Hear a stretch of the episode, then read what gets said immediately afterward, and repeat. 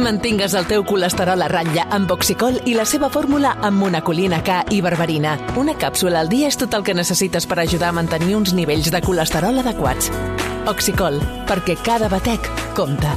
I recorda, troba-la a la teva farmàcia. Havia de ser de Kern Pharma.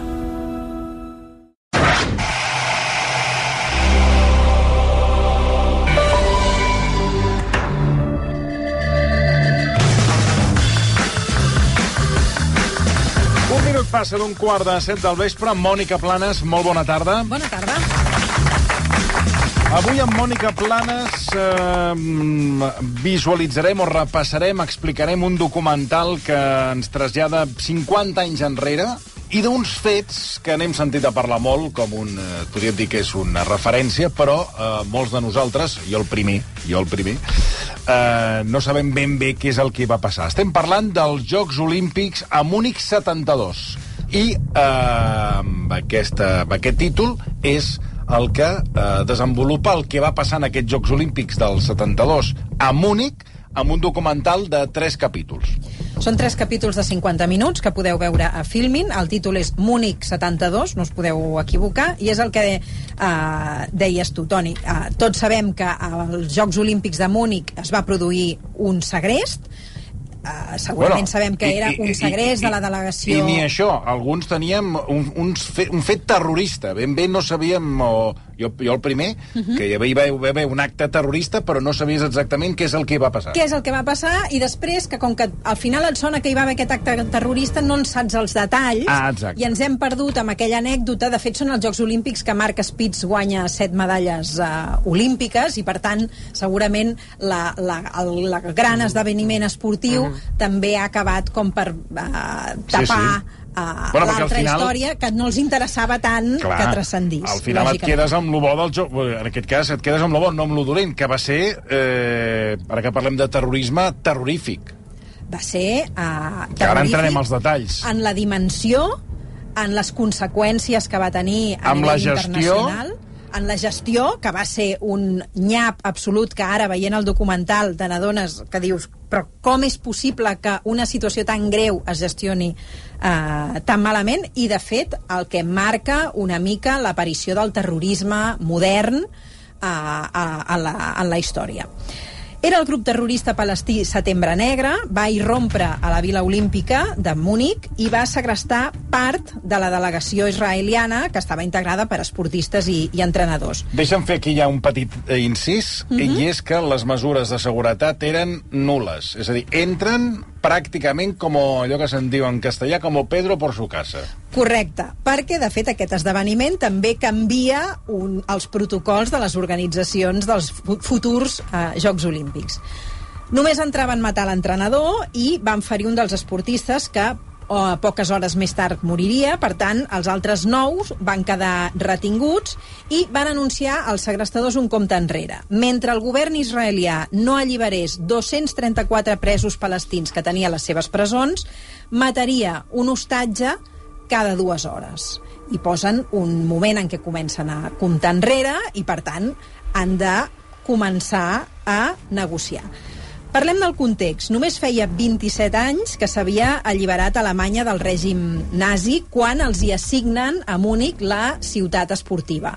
Era l'any 1966 i això ja va ser polèmic perquè, eh, en certa manera, Alemanya eh, venia eh, d'una situació eh, traumàtica històrica i Alemanya tenia ganes de mostrar al món que era un país nou, amb uns valors absolutament diferents del que havia marcat la Segona Guerra Mundial, però per altra banda, per exemple, en els israelians els hi suposa un dilema que és tornar al país que havia provocat un genocidi en el seu poble i haver de celebrar uns Jocs Olímpics com si allà no hagués passat res. Per tant, hi havia moltes ferides obertes, el, tot el tema de la memòria històrica als anys 70 encara no s'havia començat a gestionar i, per tant, era una situació molt delicada.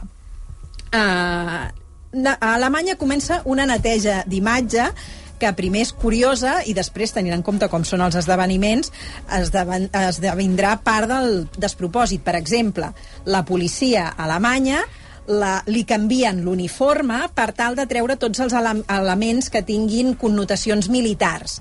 I, per tant, acaba la policia vestida de blau cel, amb uns vestits propis de hostesses i hostessos de, de vol blau cel, sense cap mm. tipus de amb un barret, amb un barret blanc una mena de, com de boines, mm. no? De, una sí. mena de boines, barrets blancs sí. i sense armes. Exacte. Semblen el, els hostessos de, ah, la, de la Vila Olímpica. Com els voluntaris, que... com els voluntaris. Ja. Com els jocs... voluntaris olímpics, eren, ho has dit perfecte. Eren els voluntaris olímpics, però vestits de, de blau marí. Sí, sí i amb un barret blanc, mm. i aquests eren els policies, els que havien de gestionar, en fi, el que, el que va passar, sí, que evidentment doncs, no, no estaven preparats per gestionar-ho. Perdona, blau cel, que era blau més cel. Blau cel. Exacte, blau cel, gràcies. Blau cel. més, més innocent Exacte. i més celestial. Els palestins aprofiten, el, el grup terrorista, terrorista palestí aprofita aquell caldo de cultiu per dur a terme uh, un, un segrest eh, que acaba en tragèdia. Són en total 17 morts, 11 membres de la delegació israeliana, un policia i 5 dels eh, 9 terroristes. Eh, la polèmica va radicar en què es va decidir que els Jocs Olímpics no s'aturessin malgrat el, el segrest. I a partir d'aquí eh, ningú en surt ben parat. El govern de Golda Meir no vol cedir davant les amenaces del palestines perquè diu que per, si cedeixen a partir d'aquell moment tots els israelians quan vagin pel món constantment estaran en el perill de ser segrestats o de patir atemptats terroristes. El govern alemany queda retratat perquè és un país que es demostra incapaç de gestionar una situació de perill i el COI perquè eh, mira per ells i pels jocs i deixa de banda la, la situació que estan uh, patint. Um, el documental que, que, uh, que ofereix Filmin recorre puntualment a les recreacions dramatitzades per mm. ensenyar què passa uh, en els, durant el segrest a mi no m'agraden gaire les recreacions, però trobo que en aquest cas mm. sembla bastant pròpia com d'una sèrie i si El cap dels segrestadors, per, per cert, eh, a, la, a la realitat i després en la ficció, va vestit d'una manera que no és propi d'un segrestador, és a dir, va amb un barret i amb una indumentària que mm. és més de... A mi em recordava més l'àrbitre del tricicle de l'espectacle de l'èxit, que no, no, no, és que te'l veus i dius, aquest és el cap dels segrestadors, doncs és aquell, va amb un barret, va fet un pinzell, i aquest és el, el cap, Però, del, el, cop, el, el cap del, de, dels terroristes. Ho hauria fer per, per entrar, per, per, per entrar a la virulència. Sí, però després, bueno, però des, no, després no canvia. Després, ell permanentment, que eh, els alemanys negocien amb ells fins a l'extonació perquè els ofereixen diners, els ofereixen de tot, i ells diuen que amb ells els és igual, que ells el que volen és la, la lliberació dels 234 eh, presos eh, a Israel, que amb ells els és igual, ell que fa permanentment la negociació, ell cada cop baixa com un pinzell amb el barret, la, la, sí, sí, la jaqueta, els pantalons, i ell amunt i avall, i és el que porta la, la batuta. En el documental intervenen esportistes israelians que no van ser segrestats, periodistes que van cobrir el segrest, el psicòleg de la policia alemanya, que és el primer sí. que veu que tot plegat és un despropòsit i que no se'n sortiran. Bueno, és més, disculpa que faci un spoiler aquí, però el psicòleg de la policia alemanya diu que... Amenaça quan... spoiler. Exacte, quan, quan va arribar, a, quan van prendre ja la decisió final, ell va veure que això era, que era l'operatiu final, el que farien l'operatiu final, va veure, va, tenir, va arribar a la conclusió de dir això serà de tal despropòsit que jo deixo la policia. I va abandonar el cos de policia Imagina't, perquè va veure que allò no anava enlloc a més, ell va explicant com anaven aquelles reunions, tothom deia la seva, un deia blanc, l'altre deia negre, no hi havia cap mena de... Lo de la policia alemanya és al·lucinant. Cap mena de... Doncs desmunta una imatge, eh? Perquè no, realment... no, la imatge no... se't cau als peus o sigui, l'operatiu dels alemanys no saben què fer, no tenen cap grup d'operacions especials. Eh, un diu blanc, l'altre diu negre, un té una idea, l'altre té una altra idea. Aleshores volen entrar a dins la... a dins la... La Vila Olímpica. La Vila Olímpica portant un sàndwich, vestits disfressats de cuiners. Ai, I aleshores aquest, el, el segrestador, diu, sí, hombre, a mi me la vas a dar con queso. Es... Que queso os ve, que vais aquí de cocinero. I aleshores veus els cuiners, que són policies, que deixen el sàndwich, i el segrestador diu, me llevo los sándwiches, pero los cocineros se quedan aquí. Que tienen que venir los cocineros conmigo a traer sándwiches. Imagineu-vos si demanéssiu... És que tot és així, tot és com... O sigui, evidentment hi ha la gran desgràcia i l'assassinat dels atletes, però vist, o sigui, l'operatiu de la policia és que és, que és, és, és, és, és ridícul. Després diuen, bueno, vamos a canviar... Quan la Liana està en l'hora límit, fan, eh, despleguen, fan el desplegament de tota la policia, els fan, els fan vestir amb uns xandalls i els distribueixen per uh, mm. diferents àrees... Els terrats. Pels terrats de, de, Sí. la, del d'allà, Sí. allà, d'on estaven segrestats. Sí. Però què passa? Que com que la televisió alemanya ho estaven fent, estaven fent com un 24 hores del, Ah, de, dels Jocs Olímpics i dels esdeveniments, els segrestadors que estaven veient la tele van veure, van dir, hòstia, estos quiénes son? ¿Estos aquí? Van aquí, ¿Estos aquí? Van, van vestidos con unos chandas con unos fusiles. Coño, estos son los policías. Y los tenemos aquí arriba. I aleshores és quan aturen l'operació. Tot és aquest punt de dir el despropòsit és màxim. És absolut. El que deies dels cuiners fa molt riure, perquè imagineu-vos que esteu en un hotel de 5 estrelles i ve el xef a l'habitació a portar-vos el menjar. O sigui, vesteix, disfressen els policies Da- sí, amb, sí. sabeu els cucurutxos Sí, de paper sí. blanc i amb una taula, i que dius, però a veure, és que ni que hagués Exacte. portat un cuiner de veritat no aniria vestit com Claro, si fos un xef 5 Llevaba la metralleta en el sombrero, ¿no? Sí, exacte. Muy bien. Clar, perquè a més dius, bueno, eh, si portes un cuiner que els hi vagi a fer, no sé, unes creps, pues, bueno, pu- vull dir, un, no sé, un chateaubriand, sé, però sí. clar, és que arriba el cuiner, i els dos cuiners, Con la van bandeja. amb una Amb un caixa plena de de sàndwich. Però, a veure, i clar, el segrestador diu, oye, oye, a ver, A veure, clar. Estos dos no van a entrar, tampoc somos idiotes. Un despropòsit. Després també entrevisten el pilot alemany de l'helicòpter que transportarà els segrestadors, que és un testimoni molt impactant. Bueno, expliquem-ho perquè, clar, molta gent que no sap la història. O sigui, el, el segrest es produeix a la Vila Olímpica i els alemanys hi ha un moment que prenen la decisió, pactant amb els segrestadors, de, eh, que els deixaran marxar i que els traslladaran des de, eh, com que no han aconseguit l'alliberament dels... Eh, perquè el govern israelià, juntament amb la primera ministra, es nega, doncs eh, el que assoleixen ells de dir, molt bé, eh, no hem assolit això, però sí que volem fugir i ho farem amb els, amb els rehens i aleshores envien dos helicòpters a la Vila Olímpica perquè els carreguin, i un d'ells és aquest, eh, Aquest és aquest pilot pilot, alemany que que, el els fet- han d'emportar els han de portar a, una, a un aeroport. I allà representa que hi haurà una trampa, que ja en Sí. parlarem més Mm, endavant. una trampa Però aquest pilot, preparada. han passat 50 anys i notes en el pilot el trauma i el dolor Home. profund que sent d'haver viscut aquella situació. També entrevisten el director del Mossad en aquell, en aquell moment, que és la persona que Golda Meir envia a, a Alemanya, a Múnich, per gestionar, diguem, des de la part del, del govern i aquest senyor eh, eh, està trasbalsat explicant eh, tota la vivència perquè ell veu com moren davant seu tots els, tots els hostatges.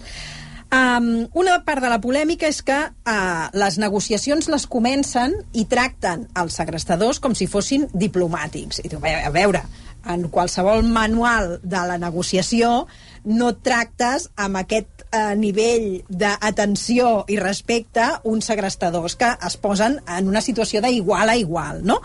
I eh, després, a més a més, hi ha el fet que els Jocs Olímpics continuïn davant d'aquesta tragèdia. I aquí escoltarem el testimoni d'un periodista israelià, Dan Shilon, que aconsegueix que el canceller alemany Willy Brandt eh, li concedeixi una entrevista per parlar eh, del conflicte.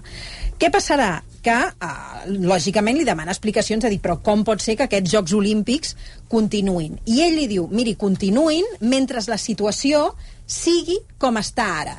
I a partir d'aquí, escoltem el, el fragment de veu, hi haurà algunes coses que no entendreu perquè són en, en hebreu, eh, però les anirem traduint una mica sobre la marxa. חייבים להמשיך.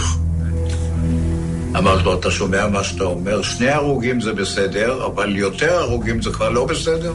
And it's very, very difficult uh, quan el canceller diu que mentre les coses continuïn així mantindran els jocs, ell li diu, escolti, ja hi ha dues persones mortes, què vol dir? Que amb dues persones mortes no són suficients per aturar uns jocs i que, en canvi, a partir de, quin, de quants morts necessita vostè perquè uh, els jocs s'aturin? I llavors li, li insisteix, i si fossin alemanys, si en comptes de ser d'Israel fossin alemanys, què passaria? El posa tan en evidència que l'entrevista es converteix en una situació molt tensa i Dan Shilon explica com va portar les coses a un nivell de tensió que Golda Meir s'enfada perquè el que no volia era trencar les relacions entre Israel i Alemanya i demana, la Golda Meir truca a la televisió i demana que acomiadin aquell periodista. I ell diu que, per sort, finalment, el responsable de la televisió no el va acomiadar, però que va ser una situació professional eh, molt crítica. El documental, entre els més petits detalls del, del segrest, en aquestes tensions entre Israel i Alemanya, els, els desacords dins de l'equip de la Golda Meir, els nyaps de la policia, els despropòsits negociadors, i l'operatiu acaba sent un fracàs absolut. Els segrestadors demanen un avió per fugir del, del país amb els hostatges, se'ls emporten amb autocar, després amb helicòpter fins a l'aeroport, i allà posen un helicòpter un altre cop amb policies disfressats, perquè sembla que la policia Un avió, alemanya... un avió, un avió. Ai, perdó, un avió amb, Amb- amb amb, dis- els policies, policies disfressats, que no, sembla que només sabien disfressar-se, aquesta policia, perquè tot l'altre eren realment uh, un desastre. I a partir d'aquí es produeix el gran desastre. Hi ha un tiroteig, Els segrestadors van a l'avió i diuen otra vez eh, unos policías els torre- vestidos de, torrecastanyes. de, de, de, de Va, pilotos. hi ha un tiroteig, moren part dels uh, segrestadors, tres fugen, però abans de fugir maten a els hostatges que tenen encara a dins dels, De l'helicò- dels Dels helicòpters. helicòpters. En el documental és Ehud Barak qui explica el fracàs de l'operació i com, su què suposa pel, pel poble israelià. האווירה הייתה אה, קשה מאוד, של תסכול עמוק Diu, l'ambient era de profunda frustració pel resultat, el resultat van ser els taüts. Teníem una delegació formada per 22 atletes i 11 van tornar dins de taüts. Va ser humiliant de cara al món perquè Israel no va poder defensar-se i Alemanya havia fracassat. És a dir, que tota aquesta situació tornava a passar en un país que ja els hi havia fa- fallat moltíssim anys abans. Atenció, aleshores, a les excuses que posen els responsables ineptes de la policia. Aquest que escoltareu és el cap de la policia eh, de Múnich eh, explicant o argumentant per què ha fallat l'operatiu. Zu dem Augenblick, zu dem sie äh, keine Freigabe der Gefangenen gemacht wurde, Diu, des del moment que els hostatges no van ser alliberats, estaven pràcticament morts. Volguem dir, No se podia anava, fer res. anava no es podien això, salvar. ja no podíem fer Sí. res, per tant, Home. no és una, un fracàs nostre, sinó una qüestió que era... Ja inevitable. venia donat del segrest. I després- Estan segrestats, doncs... Eh, Ja està. Ja estaven morts.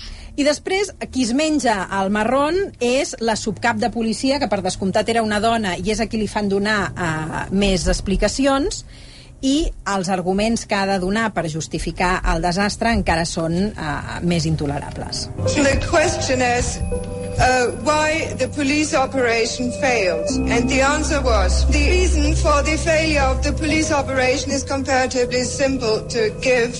After all, the hostages were bound. Diu, la resposta va ser la raó del fracàs de l'operatiu policial és molt senzilla. Al capdavall, els hostatges estaven condemnats a morir i l'únic que podien fer era intentar alliberar-los si els terroristes cometien algun error. Era la nostra única oportunitat i ho vam intentar tot. L'únic que podíem fer era intentar millorar la situació. Hi ha una cosa del, de la que m'acuso, i és que vaig haver de sacrificar a un dels meus policies.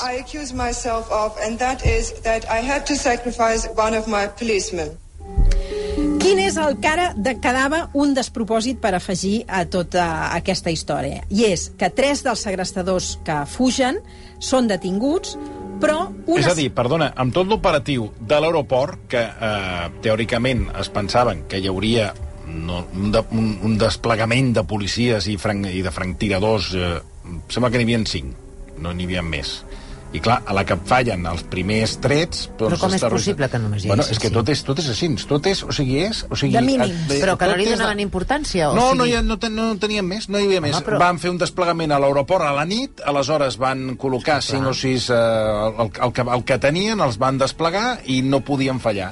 I aleshores els segrestadors, a la que es veuen que els hi han parat un, un, un parany, doncs agafen i el primer que fan és assassinar els... els I aleshores, hostatges. els hostatges. I agafen i un, tres d'ells s'escapen i els hi perden la pista durant no sé quanta estona perquè s'escapen, o sigui, atenció al poc, al, poc cercle policial que hi havia, fins que els detenen. Els detenen, els tanquen a la presó, però al cap d'unes setmanes eh, uns terroristes palestins eh, segresten un avió de Lufthansa que tenia destinació a Frankfurt i tornen a posar de negociació que alliberin els eh, Tres terroristes. terroristes que tenien empresonats. I Alemanya diu, doncs vinga, els tres terroristes per vostè, allibera els eh, tres terroristes que tornen al país No, els terroristes van a Líbia. a Líbia, Líbia. exacte, I fan una roda de premsa els tres Els explicant tres. per què havien, eh, bueno, havien participat en el segrest i després l'assassinat dels hostatges. Per tant, escoltem el que diu el líder dels terroristes sí. quan fa aquesta roda de premsa. Uh, really, we, uh, first I have to say why we did the operation in Mission. First of all, Germany helps Israel by the money and maybe by the weapon even, and by this weapon and this money, kill. Uh, Us ho tradueixo, en realitat, primer vull dir que per què van fer l'operació a Múnich. En primer lloc, Alemanya li dona els diners a Israel i segurament també armes. I amb aquestes armes i aquests diners, els israelians maten àrabs a Egipte, a Jordània, al Líban, a Síria i a altres països contra els que estem combatent. Els alemanys celebren els Jocs Olímpics a Alemanya per poder dir que són gent de pau, però no ho són perquè ens han traït i han ajudat a Israel. Per tant, hi ha raons que van més enllà del conflicte a Israel eh, i Palestina. I a partir d'aquí és quan Golda Meir desplega... Primera ministra. Correcte, eh, desplega la operació Ira de Déu, que serà una eh, constant atacs i, eh, diguem, és la resposta o la reacció que provoca un desplegament de violència eh, molt gran contra els palestins. Bueno, ja, o sigui, la ira de Déu és eh, matar Van a buscar els, els matar a tots els que van participar en el segrest i assassinat dels atletes israelians. No I, detenir-los i jutjar-los. no, no, No, no, matar-los. matar-los. I aleshores eh, es produeix de que van passant els anys i es van produint atemptats i assassinats a diferents països del món on estan aquests, eh, aquests autors del... És a dir, no els hi va venir ni... d'un- Era una venjança ni d'un dia ni de dos, però anaven caient tots. I a més a més amb els danys col·laterals Sí, sí, doncs els que, que, que fes falta, és a dir, que Ah, si per matar-ne un n'havien de matar a 20 que hi havia al voltant, eh, doncs es feia. Uh, aquí és on, on fa impressió el testimoni del, del director del Mossad, Esbi Zamir, que uh, és el qui fan responsable d'aquesta operació Ira de Déu. I diu això. גולדה אישרה לי לעשות אה, דברים שאני לא אחזור עליהם פה. זה דברים שאני אקח איתי לשמיים. Diu Golda Meir em va autoritzar a fer coses que no diré aquí, me les emportaré a la tomba. I quan continua parlant, és el que deies tu, Toni, abans, que es nota que el record de tot el que té li fa tan mal que arriba un moment que s'atipa de l'entrevista i diu, ja en tinc prou, no vull parlar més, deixeu-me estar, ja, ja Bueno, he parlat massa... Jo afegiria que ell para l'entrevista, o sigui, arriba un moment que ja en té prou, perquè diu que aleshores comença a parlar del, anava a parlar dels alemanys, es anava...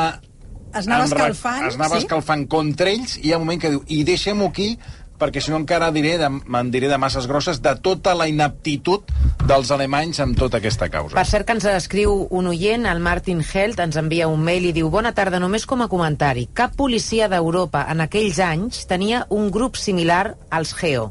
Va ser precisament arrel d'aquest fet que es van crear. Sí, sí, el que passa que, eh, dir-li a aquest oient que aquest tipus d'operatius sí que els tenia Israel. Israel. Israel els hi ofereix als alemanys. Tenia un grup militar... Israel ja tenia, perquè Per ja havia viscut, perquè ja havia viscut aquest tipus de circumstàncies, de segrestos amb operacions, per exemple, de segrestament d'avions, etc etc, amb, amb hostatges, i Israel ja tenia aquest... Un eh, equip d'elit. Un equip d'elit. I Israel els diu, sí. voleu el nostre equip d'elit? I Alemanya diu, no, no, nosaltres escolta, ja dominem la situació, no cal que ens envis ningú, perquè és aquesta soberbia dels països de dir nosaltres tenim el nostre Ja equip, podem. no han de venir de fora a fer la feina que nosaltres ja sabrem fer. I d'aquí ve encara l'emprenyada més grossa, perquè demostren que són uns ineptes, la gestió eh, a més amb, amb eh, Esvis Amir que eh, va, ser, va acabar sent director del Mossad estava allà in situ, va veure el despropòsit i clar, això encara va enfadar més els Clar. israelians de dir, bueno, vol dir que vosaltres teniu l'operatiu, que ho teniu tot, i és més, una altra cosa que també ens hem deixat, que primer es va filtrar durant tot un dia, 24 hores, que els hostatges estaven vius, que l'operació havia sigut un èxit i que estaven vius. Fins I ell, ho comuniquen a les famílies. I a les famílies els diuen que estaven vius, que tot eh, O sigui, però que estaven, que els havien recuperat, Sí, que estaven, que els que, havien salvat. a, havien, eh, eh, o sigui, que els havien salvat i que estaven sa i estalvis. I és el Esvis Amir que truca a la primera ministra i li diu escolta, està, perquè ell està allà i veu com els maten i diu, escolta, que jo els he vist, que els he tocat, estan tots morts. I passen 24 hores, i el govern alemany aleshores comença Doncs a filtrar... imagina Bueno, les famílies, eh? bueno, no, no, per això hi ha, alguns... Per això hi ha, un alguns, testimoni Ah, que, que és el fill d'un dels, uh, dels hostatges Sí, sí, que no- que no- se'n va a dormir quan és un nen uh, i li diuen vés-te'n a dormir Sí. perquè el teu pare està bé i és quan es lleva al matí que li han de dir que el pare uh, s'ha mort, mort. en l'explosió final dels helicòpters. I és colpidor el seu testimoni perquè uh, continua lluitant per intentar uh, Saber. saber la veritat que és el que, el que intenta fer aquest documental, que és reflectir la no resolució del conflicte, que eh, el, el, el govern no ha volgut destapar o mostrar, a desclassificar els documents oficials que hi ha sobre, sobre aquest uh, segrest i a més a més reflecteix el trauma dels atletes isra israelians. Molts d'ells van decidir deixar de, la, la, De la competició. Sí, sí. i eh, com encara hi ha aquest eh, dolor Uh, ells expliquen com les autoritats bavareses han dit que desclassificaran aquesta, aquests documents, però no s'ha fet. El govern alemany, coincidint amb el 50è aniversari, va dir que indemnitzaria les famílies de les víctimes, però eh, com que no incluïa una autoinculpació del govern alemany, han decidit que refusaven aquesta indemnització i que tampoc anaven als actes de commemoració que se celebraven ara aquest mes de setembre. Doncs, si et sembla, podem saludar a un dels atletes que hi va ser, que és, en el, que és el Paco Amat. Paco, bona tarda. Bona tarda. Uh, és uh, el Paco Amat de la gran nissaga familiar de l'hoquei herba, és el pare de Pol Amat, un dels millors jugadors del món d'hoquei herba. Paco, tu formaves part de la selecció espanyola d'hoquei herba en els Jocs Olímpics de, de Múnich. Explica'ns una mica com, com anàveu seguint tot, tot aquest segrest i tots aquests esdeveniments a la Vila Olímpica. A veure, eh, per lo que he sentit i us he seguit, en sabeu més vosaltres que jo.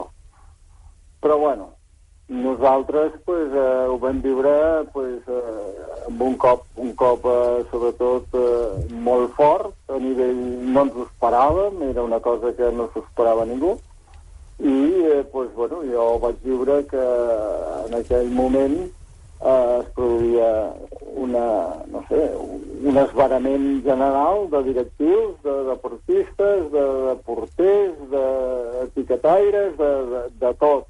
Hi havia una, entrava un helicòpter, eh, com disparant, jo venia de Múnich de fer uns recados, eh, bueno, eh, em vaig tirar a terra, allà amb un per terra, o sigui, no sabies el que passava. No, no sabies el que passava en aquell moment.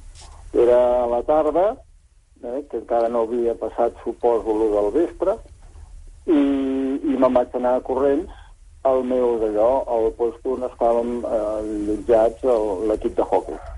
Però a l'arribant allà em vaig trobar amb els directius de la Federació Espanyola de Hockey, amb el Josep Antoni Samaranc, amb totes les directives, el Pau Negre, em vaig trobar molta gent amb unes cares blanques, negres, bueno, jo no sabia què havia passat perquè jo venia de, de fer un, unes compres a, a Múnich. Total, que van dir, eh, en Samaranc i aquesta gent van dir, diu, diu, els Jocs Olímpics s'han acabat a nivell moral. O sigui, a nivell moral, allò ja era igual jugar que no jugar, participar o no participar, ens era igual el que fessin els directius, els deportistes ho teníem clar. Allò s'havia acabat. Però, en canvi, els Per jocs, però els jocs no s'aturen. No, no s'aturen, però per nosaltres sí. I per tant és igual. És igual, perquè els resultats són diferents, no valen, el que està afectat està afectat, el rècord que és vàlid no no és, ho entens? Per un deportista això s'acaba. Com, Els directius i els polítics s'hi fiquen i, i perdona, però no s'hi tenien que ficar, perquè on hi ha la política acaba malament tot, i aquest és el record que jo tinc. Vosaltres eh, vareu, vareu poder seguir tot el, el desenvolupament de tot el que va passar després o vareu continuar els jocs? No, no, no, vareu, no us van informar del desenllaç d'aquest segrest? Uh, um, en resum, sí, que van entrar al vespre, que van assassinar els que hi havia allà hospedats, que l'endemà estava ple de flors de gent, suposo, uh, israelita posant en, a, al costat del pavelló irrealista estava ple de flors, perquè nosaltres estàvem llindant amb ells. Justament lindàvem amb ells. Eh, finestres, tinc fotos amb la caputxa, l'arma i amb tot això al costat. Si estàveu al mateix edifici. Eren, dos, eh, eren apartaments, un al costat de l'altre. I si ell era l'apartament 7, edifici 7, nosaltres érem el d'edifici 8. Només hi havia fer un brinco i passar al, al del costat. I no us van canviar de lloc mm, havent-hi aquesta situació ni res, eh? Bueno, perquè els jocs van continuar, tothom, eh, bueno, hi va, hi va haver l'endemà el gran enterrament, 100.000 persones van omplir l'estadi, van sortir els 11 ataüts, i, i, i tothom, tothom en silenci. O sigui, tothom callat, 100.000 persones callat, va parlar l'Averi Brundàs, mm -hmm. i, i, en fi, eh, tothom va quedar, doncs, bueno, allà van sortir, van cantar, unes exèquies, però van sortir i, es, i tothom es va quedar a l'estadi ja, sí, sí. pràcticament sense fer res. Saps el que és no fer res? Llavors, l'endemà va sortir l'ordre de que els jocs eh, tornaven a, a reprendre's, però amb uns ànims que no, no veies que no, no funcionaven, no funcionaven. Eh, tothom parlava pues, normal, va, ni, ni si guanyarem ni no guanyarem, a mi és igual guanyar que no guanyar. No, no, clar. Un desastre. Un desastre a nivell de lo que és els Jocs Olímpics que està destinat als, als deportistes. Mm -hmm. Vull dir, ho van estripar tot. Vull dir, ha sigut una olimpiada fatal. Ara, els esdeveniments que em preguntava si sabia si havia anat a l'aeroport, si no havia anat a l'aeroport, això jo em, va, em vaig perdre el, la referència, em vaig tancar com amb tothom, amb l'equip, amb l'equip d'Espanya, i, i apa, esperar resultats, ordres i, i allò. Però el calendari va continuar. El calendari així deportiu, sí. Però els estadis mig buits, la gent apàtica, mm, és que no podies res. Vull dir, vam sentir el que vam sentir, vam veure el que vam veure, els avions amunt, els altres avall, disparos, tot això, bueno, afecta una olimpiada totalment. I després els morts. Paco, com a, com a esportista, eh, entens que mo després molt dels eh, atletes israelians decidissin eh, deixar la seva carrera com a esportistes, abandonar? Jo crec que sí, jo crec que sí, els hi era molt fàcil. Els hi, eh, estava... Sí, les circumstàncies apoyaven aquesta decisió. Sí, sí, sí, ho entenc. Et ve de gust veure el documental o prefereixes no remoure els records que tens? Uh, el documental... Uh, bueno, no... T'interessa o prefereixes no, no remoure uh, aquests records i aquestes vivències? No, sí, fa molts anys que han passat i també pues, el temps es borra moltes coses. Però, però per entendre-ho més, pues, sí, sí, el podria veure, sí. El podria veure, però em costaria. Sí, sí, segur, perquè a nosaltres ens ha costat. Vull dir que imagina't. Paco, moltíssimes gràcies per acompanyar-nos. Vale, a vosaltres per trucar-me. Gràcies, bona tarda. Bona tarda. El Paco Am- Amat, que, com dèiem, eh, era, és de la gran nissaga familiar de l'hoquei herba, que estava a, a Múnich i que va viure, bueno, el que diu, a partir de, en fi, del desenllaç d'aquest segrest i del que va ser el funeral, el que s'hauria d'haver fet el, el Comitè Olímpic Internacional és, és cancel·lar els Jocs Olímpics. És una cosa que tampoc es comprèn com... Bueno, es comprèn per, perquè ho expliquen al documental. Tots els... Diu... Eh, no, és- hi ha un periodista, eh, un historiador, que diu una frase que me la vaig apuntar, però me l'he deixat a casa, que ve a dir que al final el COI el que interessa, eh, que el, l'ètica és el de menys. Sí, diu que no han sigut mai un exemple de moral. Ah, exacte, eh, que la trobo excel·lent. Eh? Un comitè olímpic internacional de, del món dels atletes diu no són un exemple de, de moral. I la prova és que, eh, han, eh, o sigui, mm, um, bueno, po posen, o sigui, 11 morts en uns Jocs Olímpics i el dia següent el president del. Comitè Olímpic diu que s'ha de continuar els Jocs i que, que per sobre del, dels països i del terrorisme i tot, i clar, és el que diu ara el Paco, que, que aquí no hi havia qui es concentrés després del que van viure, no? Això és evident.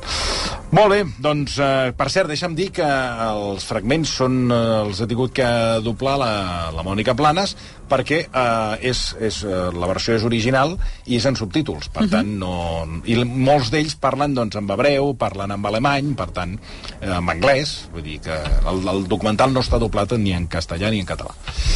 Molt bé, el trobareu a Filmin eh, per, remoma, per remoure i per, bàsicament per saber, ara ja pots parlar doncs, amb tots els ets i uts del que va passar a Múnich 72, que molts ho tenien com una referència, però no sé, sempre ens recordava, sempre veiem aquesta imatge, imatge d'aquest segrestador que surt amb un passamuntanyes amb una borla al cap, A les terrasses Sí, de, que dius, de bueno, i què va passar aquí, no? Doncs ara ja, ja ho podem explicar. Mònica Planes, moltíssimes gràcies. A vosaltres. Ara tornem.